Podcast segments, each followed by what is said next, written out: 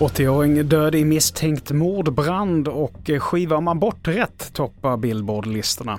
Men TV4-nyheterna börjar i Vetlanda där 21-åriga Tove som försvann efter en utekväll i lördags fortfarande inte hittats.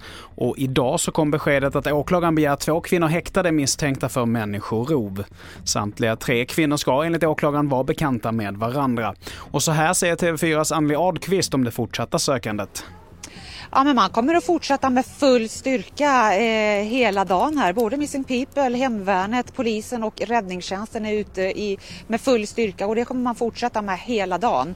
Vi fortsätter till Tidaholm där en 80-årig man hittats död efter en brand i en garagelänga, det rapporterar tidningen GP. Mannen hittades svårt skadad av sjukhuspersonal men hans liv gick tyvärr inte att rädda. Polisen utreder nu det hela som en mordbrand.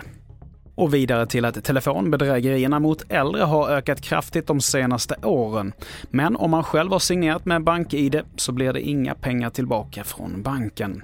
Konsumentombudsmannen vill nu se en ändring på det och säger att man kan driva ett fall till domstol för att få bankerna att ändra sig. Man är utsatt för ett fult bedrägeri och då mm, kan man fråga sig, ska det anses som en behörig transaktion då om man vilseleds, luras, oss. Vi kan ju biträda konsumenten, betala kostnaderna och föra konsumentens talan vid domstol.